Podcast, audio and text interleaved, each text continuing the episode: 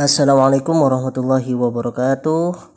Berjumpa lagi dengan saya Samsul Arifin Pengampu mata kuliah Prodi Hukum Ekonomi Syariah IAIN Madura semester 1 Nah khusus semester 1 Baik kawan-kawan semester 1 Prodi HES yang dimuliakan oleh Allah. Pada kesempatan kali ini kita akan membahas tentang problematika hadis pada masa Nabi ya kemudian masa sahabat dan masa tabiin. Nah, sebelum itu saya akan memberikan wawasan terkait dengan periodisasi yang dilakukan oleh para peneliti hadis. Banyak sekali ya pe, apa pengprodiasasian atau pemilahan hadis dari masa ke masa yaitu nah, tapi yang saya kutip adalah periodisasi yang digunakan oleh Al-Tami dan Hasbi Asyidiki. Yang pertama yaitu Asul Wahyu wa Takwin, yaitu masa turunnya wahyu dan pembentukan masyarakat Arab. Nah, ini di, terjadi pada masa Nabi hingga uh, Rasulullah Shallallahu Alaihi Wasallam wafat. Nah, yang kedua asal tersebut wal iklal minar riwayah yaitu masa kehati-hatian dan penyedikitan riwayat ini dimulai sejak pemerintahan Abu Bakar radhiyallahu an sampai Ali bin Abi Thalib radhiyallahu an. Yang ketiga yaitu asrul intisarur riwayah ila amsar, yaitu masa penyebaran riwayat ke daerah-daerah. Sejak kapan? Yaitu sejak awal dinasti Umayyah sampai akhir abad pertama Hijriah. Lalu ada asur kitab wa tadwin, masa pembukuan, masa pengkodifikasian sejak awal abad kedua Hijriah sampai akhir abad kedua Hijriah. Lalu ada uh, yang kelima yaitu asrut tajrid wa tashih wa tankih. Masa pemurnian, pentasihan dan penyempurnaan dimulai sejak awal ketiga Hijriah sampai akhir abad ketiga Hijriah. Yang keenam yaitu asrut tahdib, utartib, ul istidrak, ul jama' masa pemeliharaan, penertiban, penambahan penghimpunan sejak abad keempat Hijriah sampai jatuhnya Baghdad pada tahun 656 Hijriah. Yang terakhir yaitu yang ketujuh Asrus Syarah wal Jam'u wa Takhrij wal Bahsu aniz Zawaid yaitu masa pensarahan, penghimpunan, penakhrijan dan penambahan pem, uh, da, pembahasan dari berbagai tambahan.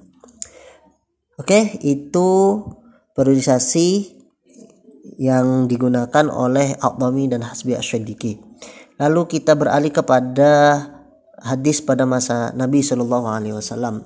Pada masa Nabi Shallallahu Alaihi Wasallam, paling cara metode yang digunakan oleh para ulama dalam melakukan periwatan hadis itu uh, adalah dengan cara mendatangi majelis taklim yang diadakan oleh Rasulullah ya menerima penjelasan uh, dari Rasulullah tentang hukum atau peristiwa yang dialami oleh Rasulullah meminta fatwa dan penjelasan hukum terkait dengan peristiwa yang dialami oleh para sahabat atau menjawab pertanyaan sahabat. Yang keempat yaitu Rasulullah mempraktekkan ibadah seperti sholat, puasa, zakat, haji dan lainnya. Di masa ini ya uh, mereka ketika ada problematika langsung ditanyakan kepada Rasulullah sehingga tidak perlu adanya kriteria ke pensohian hadis dan seterusnya. Selain itu, para sahabat juga memiliki daya ingat yang kuat. Selanjutnya di masa ini ya, yang menjadi problematika adalah tentang penulisan hadis. Problematika penulisan hadis tersebut muncul akibat adanya hadis yang melarang terhadap penulisan.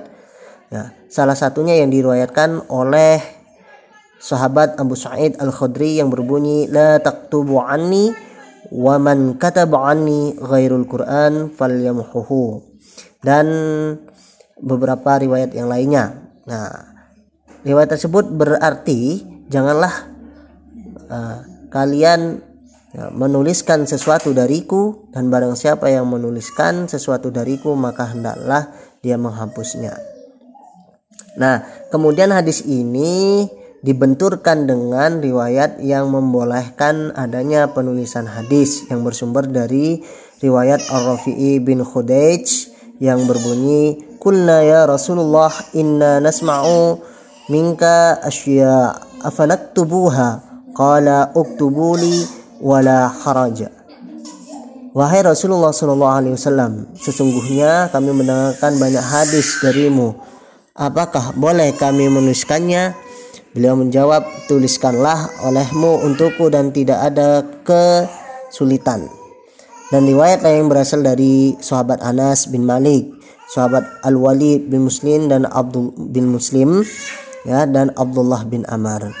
Nah, para ulama ini kemudian mengambil sikap yang mayoritas berpendapat bahwa adanya larangan penulisan hadis itu muncul pada awal-awal kemunculan Islam sehingga ya, larangan itu sebetulnya akibat kekhawatiran akan terjadinya pencampuran antara Al-Quran dan hadis. Jadi sebetulnya tidak bertentangan gitu ya, bisa dikomparasikan kedua riwayat tersebut.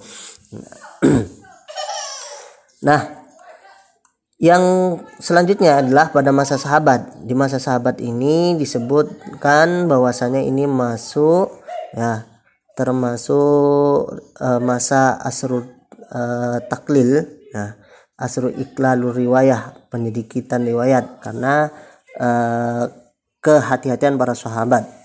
Ada beberapa metode yang digunakan oleh para sahabat untuk memperoleh perawatan hadis yaitu dengan cara ya, apa menerima apa hadis dari sahabat yang lain kemudian mencari melakukan rihlah ya perjalanan keilmuan ke sahabat-sahabat yang sudah terpencar di beberapa wilayah. Nah, langkah-langkah yang pernah dilakukan oleh para sahabat dalam menyaring hadis yaitu adalah memperketat penerimaan periwayatan hadis. Nah, ini dilakukan oleh sahabat Umar dan sahabat uh, Abu Bakar As-Siddiq.